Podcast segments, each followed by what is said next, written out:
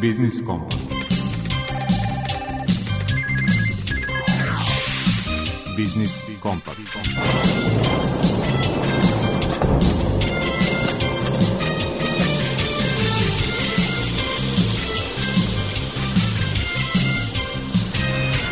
Pred mikrofonom je Đuro Vukelić. Dobar dan, poštovani slušalci. Ističe nam ovog popodneva prvomajski praznik. Ipak nije zgorek da se prisjetimo nekadašnjih praznovanja i uloge sindikata, danas u bitno izmenjenim socioekonomskim okolnostima. To ćemo učiniti u razgovoru sa predsjednikom Saveza samostalnih sindikata Vojvodine, Goranom Milićem.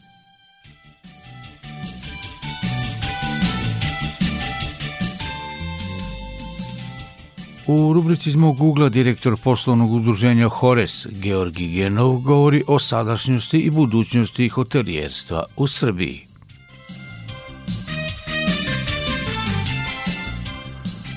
U svetu preduzetništva naći će se konkurs pokrajinskog sekretarijata za socijalnu politiku, demografiju i ravnopravnost polova za nefinansijsku podršku malim i srednjim preduzećima i preduzetničkim radnjama – S uslovima će vas upoznati rukovodilac projekata u regionalnoj razvojnoj agenciji Bačka, Marija Prokopić.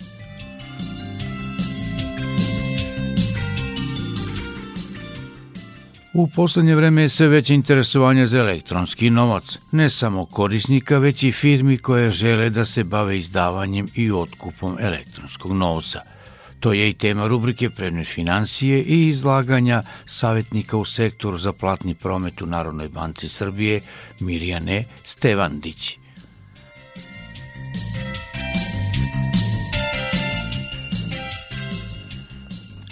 Mnogi korisnici usluga telekomunikacijnih kompanija su ovih dana suočeni sa pretnjama zbog neplaćanja za ostalih računa, uglavnom zastarelih upozorava pravni savjetnik u Udruženju za zaštitu potrošača Vojvodine Mladen Alfirović u rubrici Potrošačka korpa prava.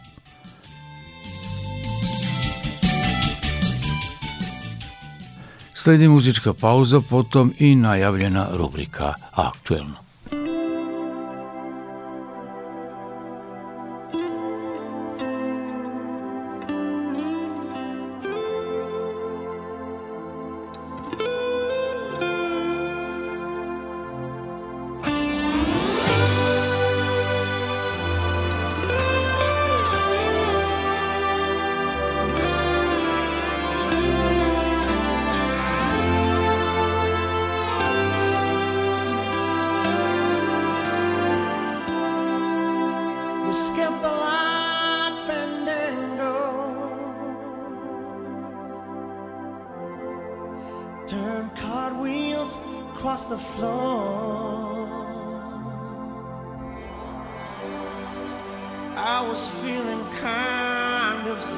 sing the cry called out for more.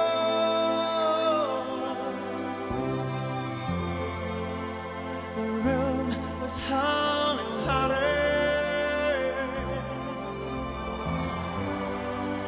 As the ceiling flew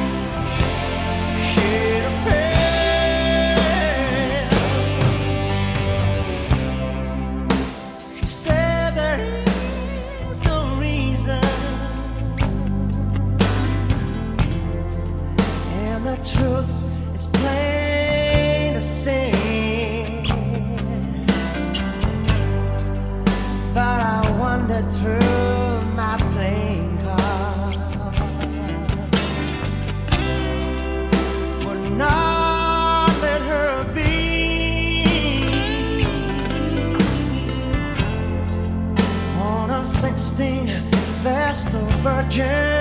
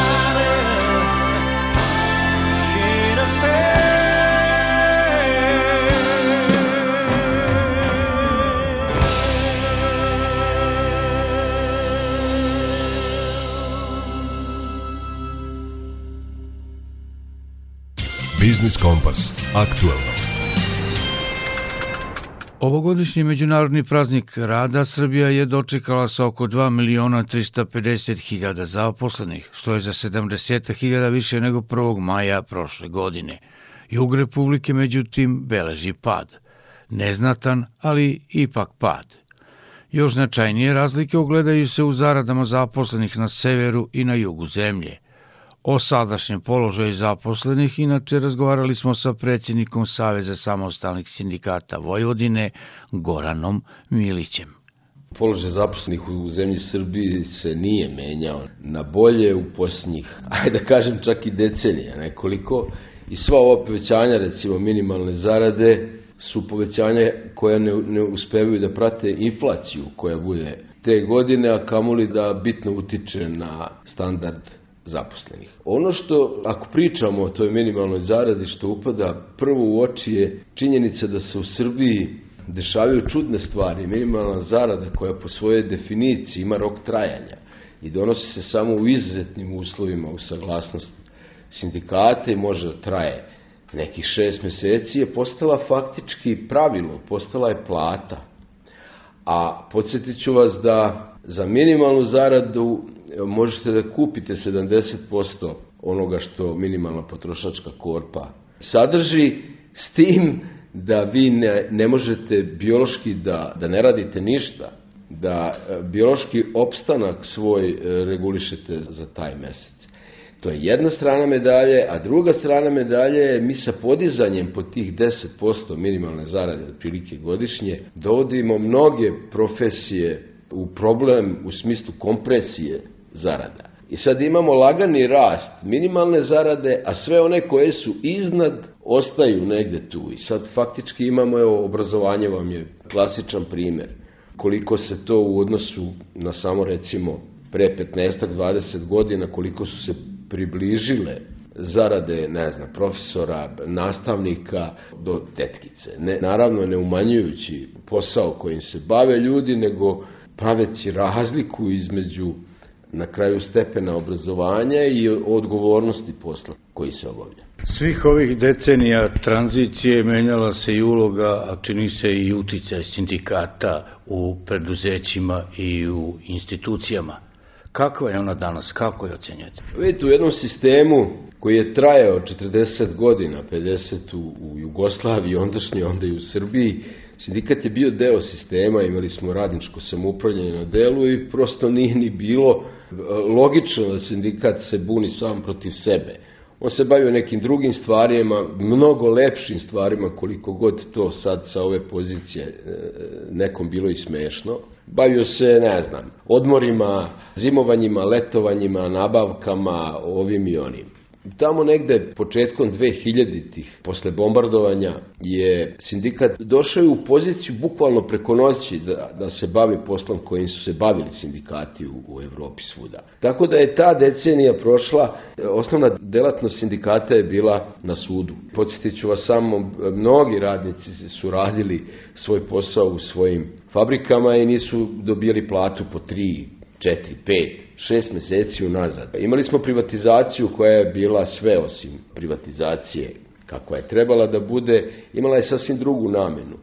Mnoge fabrike su se zatvorili, nosioci sistema u, u svakoj lokalnoj sredini, ja ne znam da li ima nekakva opština u, u Srbiji gde nosioc sredine nije upropašten. Reke ljudi su ostajale bez posla. Kada smo mi, pre nego što se desila takva privatizacija, ukazivali na to, onda je najlakše bilo reći da je sindikat recidiv prošlosti, da su to crveni, da je to smešno. Čak su i novinari, u, kada se gostovalo u određenim emisijama, izvrgavali sindikat ruglu i davali prednost onima koji su u stvari napravili sve ovo što je sad na delu.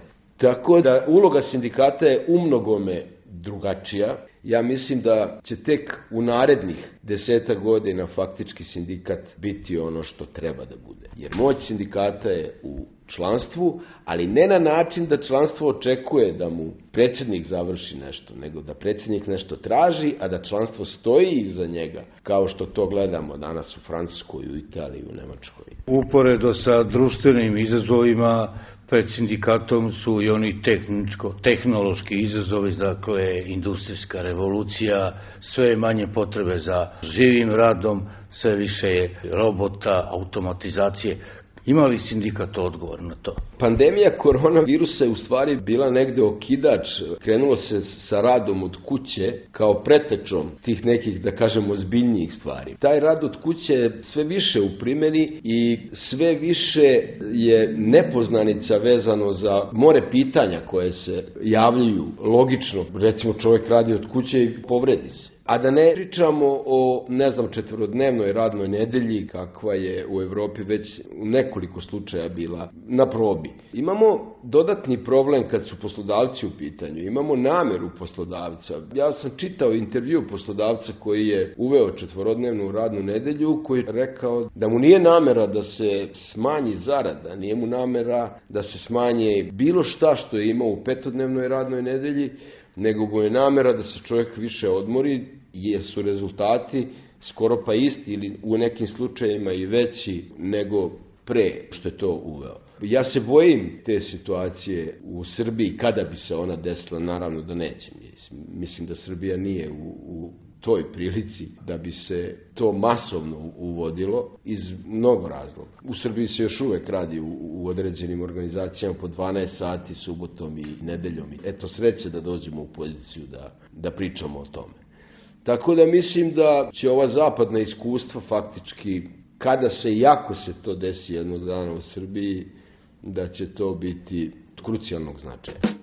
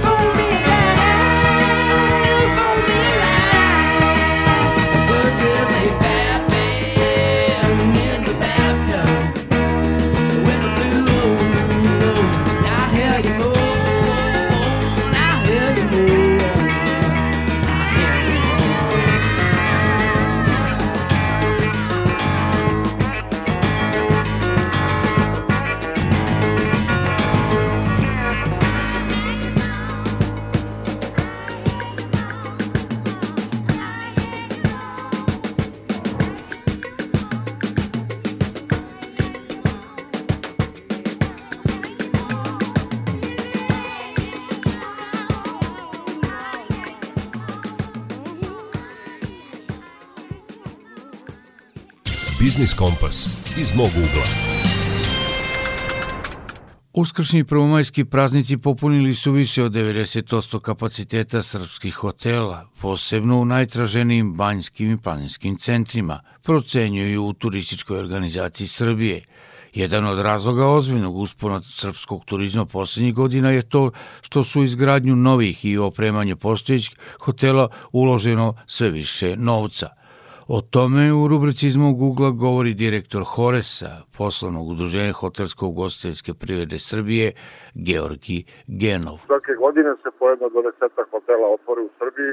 Ono što trenutno čini materijalnu osnovu hotelske industrije, to je 435 kategorištenih hotela koji uglavnom provodavaju sa 3, 4 i 5 zvezdica, dakle objekti koji su rekonstruisani i jednostavno spremni za ponudu ne samo za domaći turizam, već i za inostrani turizam, što se naravno pokazalo veoma dobrim, s obzirom na rezultate koje imamo.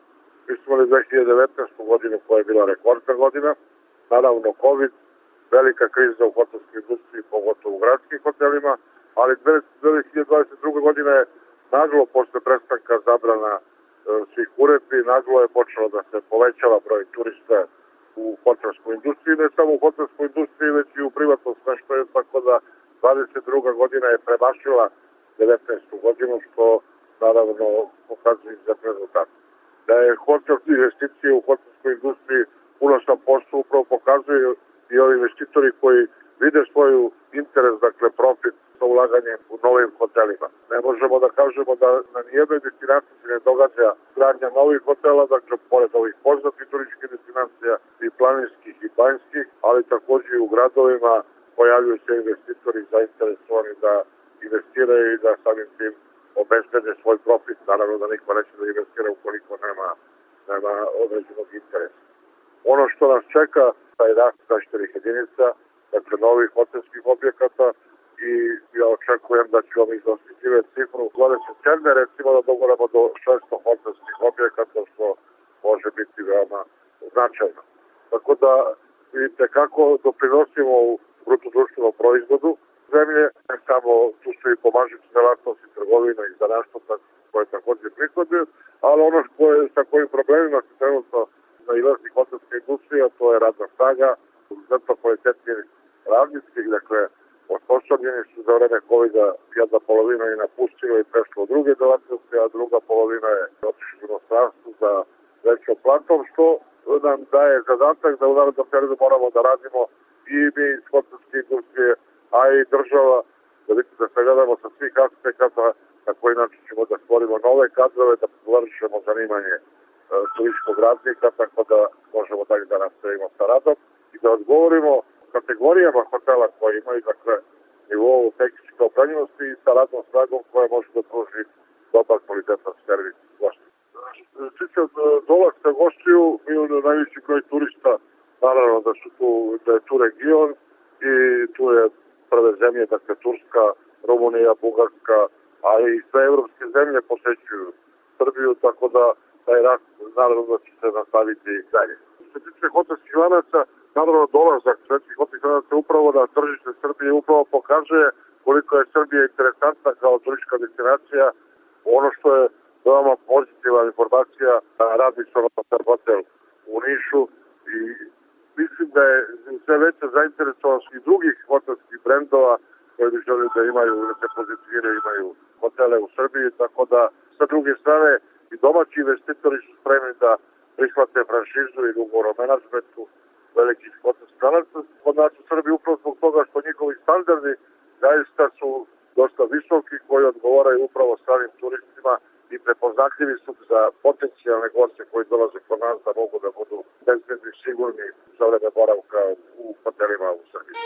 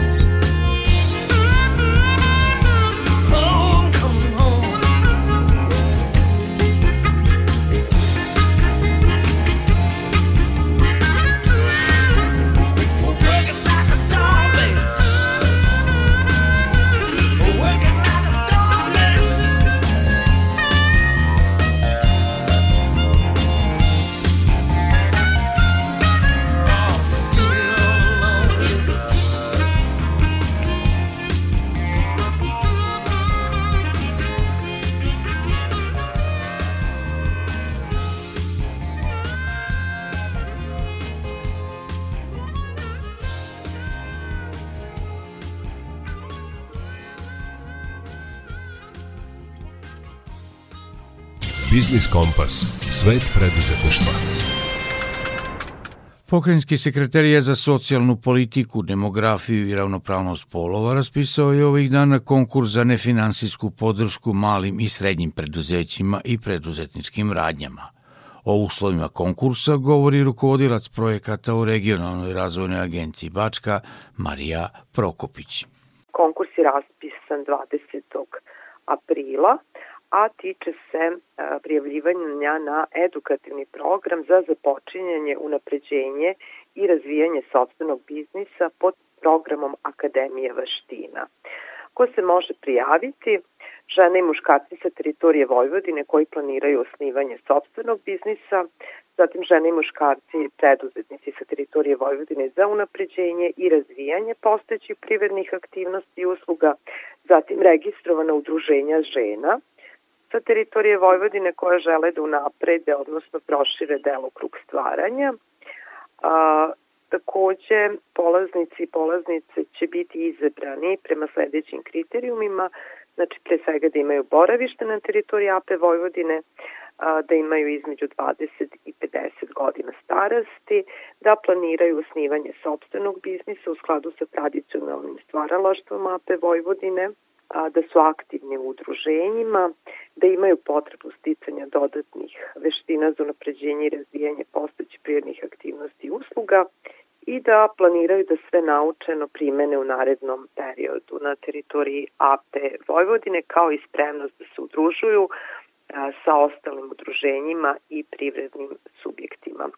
Cilj samog programa je sagledati i ekonomski unaprediti e, ekonomski potencijal i položaj žena i muškaraca putem edukacija i obuka iz oblasti preduzetništva kroz osnivanje, pokretanje, razvijanje, unapređenje i proširenje biznisa na teritoriji AP Vojvodine. A kada će se ova edukacija realizovati u periodu od 19. do 21. maja 2023. godine na Paliću, troškove prevoza smešta ishrane, predavača i edukativnog materijala za polaznike i polaznice Akademije veština snošiti pokrajinski sekretarija za socijalnu politiku, demografiju i ravnopravnost polova. Inače, rok za dostavljanje prijava je 10. maj 2023. godine, a sve informacije možete dobiti putem uh, mobilnog telefona 063 295 772. A, sam konkurs možete naći na sajtu Pokrajinskog sekretarijata za socijalnu politiku, demografiju i ravnopravnost polova, kao i na sajtu Regionalne razvojne agencije Vačka.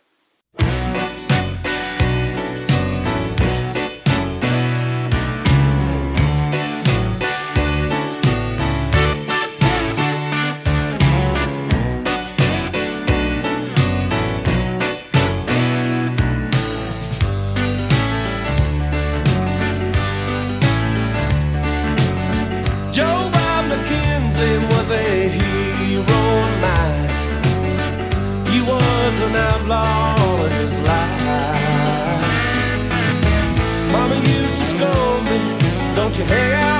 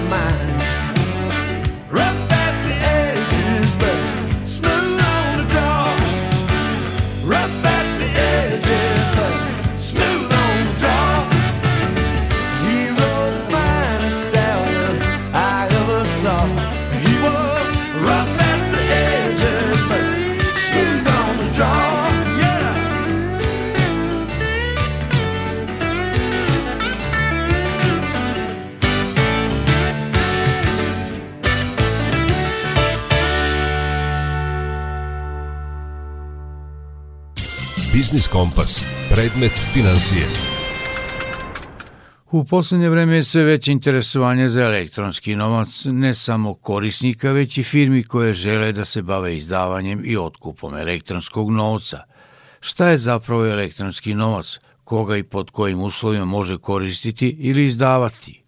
O tome u današnjoj rubrici Predmet financije govori savjetnik u sektoru za platni promet u Narodnoj banci Srbije Mirjana Stevandić. Sam pojam elektronskog novca definisan je zakonom o platnim uslugama i označava elektronski pohranjenu novčanu vrednost koja čini novčano potraživanje prema izdavaocu tog novca, a izdata je nakon prijema novčanih sredstava radi izvršavanja platnih transakcija i prihvata je fizičko ili pravno lice koje nije izdavalac tog novca. To praktično znači da izdavalac elektronskog novca odmah nakon prijema novčanih sredstava od zainteresanog fizičkog ili pravnog lica izdaje elektronski novac tom licu u visini primljenih sredstava i on se dalje može koristiti za plaćanja kod trgovaca ili pružaoca nekih usluga koji prihvataju taj elektronski novac, a to su u stvari pravna lica i preduzetnici koji su sa izdavaocem elektronskog novca sklopili ugovor da isti prihvataju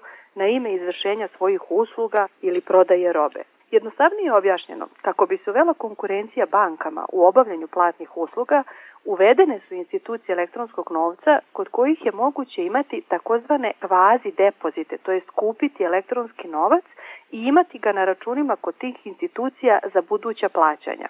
A razlika u odnosu na banke je ta što institucije elektronskog novca ne mogu koristiti ta sredstva tako što će ih dati kao, na primjer, kredit drugim licima, već ih moraju čuvati na propisane načine kako bi taj novac bio siguran.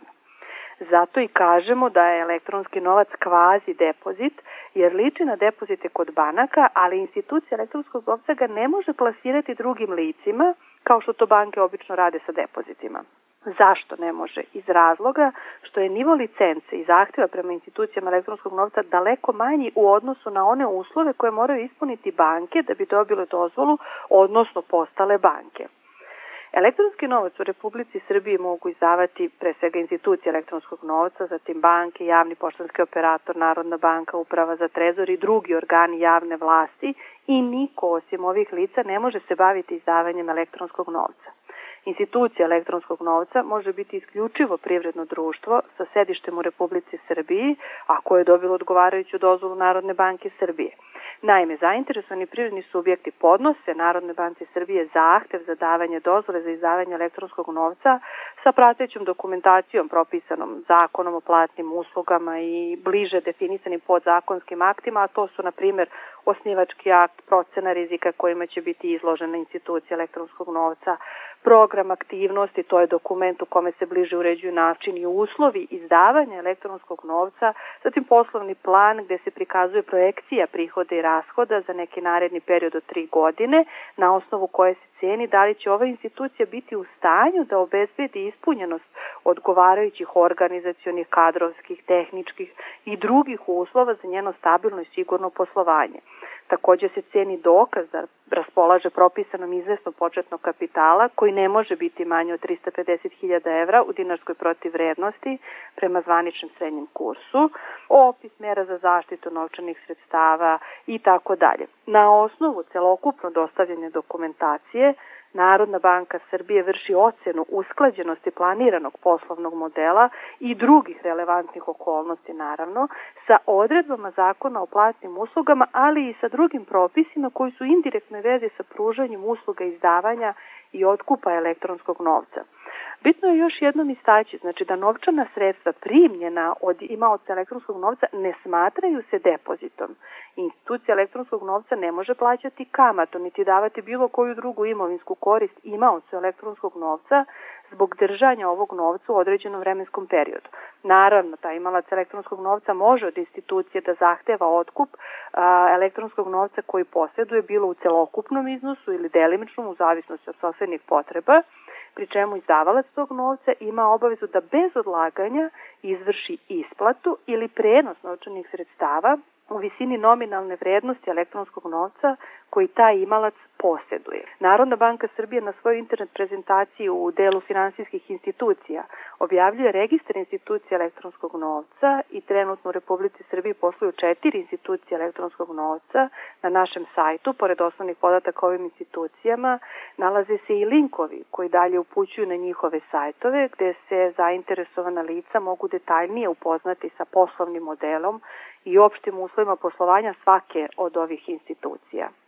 Možda bi slušalcima bilo zanimljivo pomenuti institucije elektronskog novca iz trećih država preko kojih rezidenti mogu obavljati platni promet sa inostranstvom. Ali naglašavam samo radi plaćanja i naplate po osnovu elektronske kupoprodaje roba i usluga, to jest u okviru internet trgovine.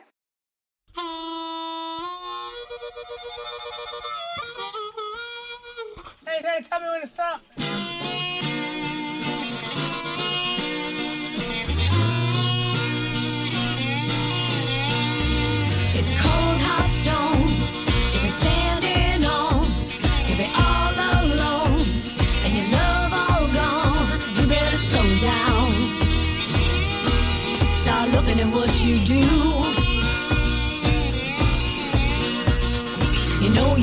Ways. They're catching up to you.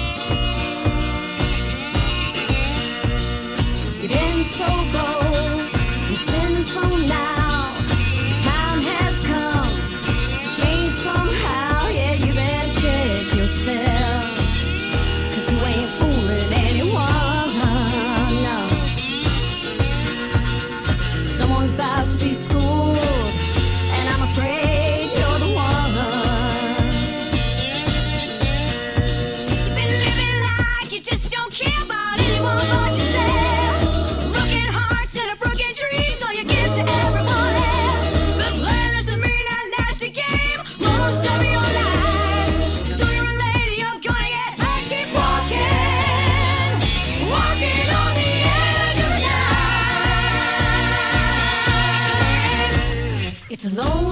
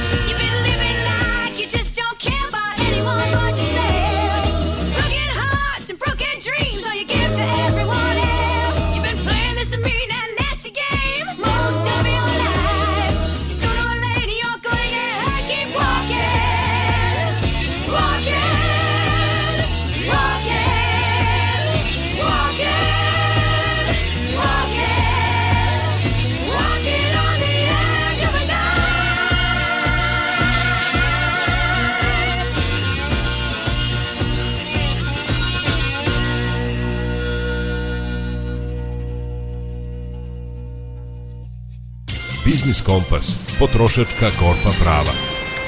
Na adresu Udruženja za zaštitu potrošača Vojvodine ovih dana su stigle brojne pritužbe građana zbog pokušaja pojedinih telekomunikacijnih kompanija da posredstvom nekih novosadskih advokatskih kancelarija nadoknade za ostale dugove. Reč je o zastarelim potraživanjima koja građani ne treba da plaćaju, objašnjava pravni savjetnik u tom udruženju Mladen Alfirović.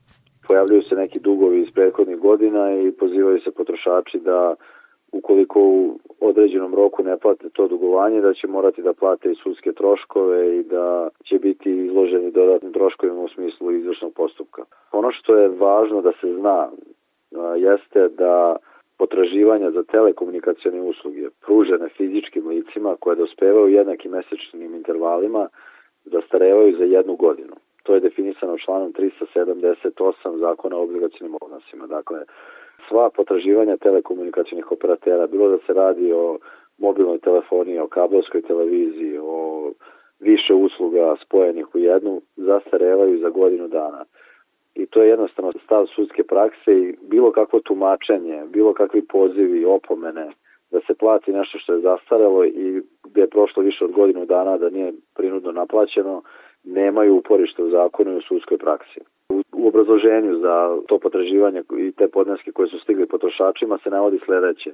Potraživanja za internet usluge mobilne telefonije i pakete usluga, na primjer Box, ne zastarevaju za godinu dana, već se navodi opšti rok od 10 godina uz obrazloženje da se radi o neimenovanim ugovorima koji se ne mogu okvalifikovati kao potraživanje pošte, telegrafa i telefona, što je već definisano zakonom o obligacijnim odnosima. Znači mi moramo da naglasimo da je zakon o obligacijnim odnosima i član koji reguliše zastaru 378 i koji kaže da ova potraživanja zastrevaju za godinu dana pisan 1970 i neke godine. Dakle, tad nije bilo interneta, nije bilo mobilnih telefona i sad svako tumačenje koje kaže da se to ne može primijeniti na internet i mobilni telefon prosto nema uporišta u sudskoj praksi, postoji više presuda u kojima se kaže da i ova potraživanja, i kad je u pitanju mobilni telefon, internet i paketi usluga, takođe zastarevaju za godinu dana. Tako da pozivamo potrošače da ne uzimaju za ozbiljno ovako pravno tumačenje i obrazloženje koje ovih dana stiže sa adresa mnogih poznatih advokatskih kancelarija, budući da to obrazloženje nema utemeljenja, kao što sam rekao, u zakonu i praksi najviših sudskih instanci, i definitivno da se jednogodišnji rok zastare za ovu vrstu podraživanja za fizička lica ne može dovesti u pitanje. Dakle, razlozi za ovakvo, ovakve podneske, ovakva tumačenja mogu biti različiti. Na prvom mjestu se tu radi o nekom materijalnom interesu, želji da se pojedine telekomunikacijni operateri kao klijenti naplate, tako što će im se naplatiti neka potraživanja koja su zastarele, koje ne mogu prirodnim putem možda se naplate u sudskom postupku, a sve ovo zapravo ima za cilj da na neki način dovede u zabludu potrošača koje su uglavnom pravno neuki u odnosu sa telekomunikacijnim operatorima ekonomski slabija strana. Dakle, svako ko izražava bilo koju vrstu sumnje, da li je nešto zastaralo, da li nije, kako se naplaćuje, u kom postupku, slobodno može da se javi našem udruženju i tu će dobiti sve informacije od našeg pravnog tima, ukoliko im stignu neki podnesci za naplatu nekih starih dugova za koje smatraju da ne treba da se plate. Dakle, pozivamo potrošače da nas kontaktiraju i mi ćemo im pomoći u tumačenju o čemu se zapravo radi u slučaju da, da dobiju tako neki podnesak od advokatske kancelarije.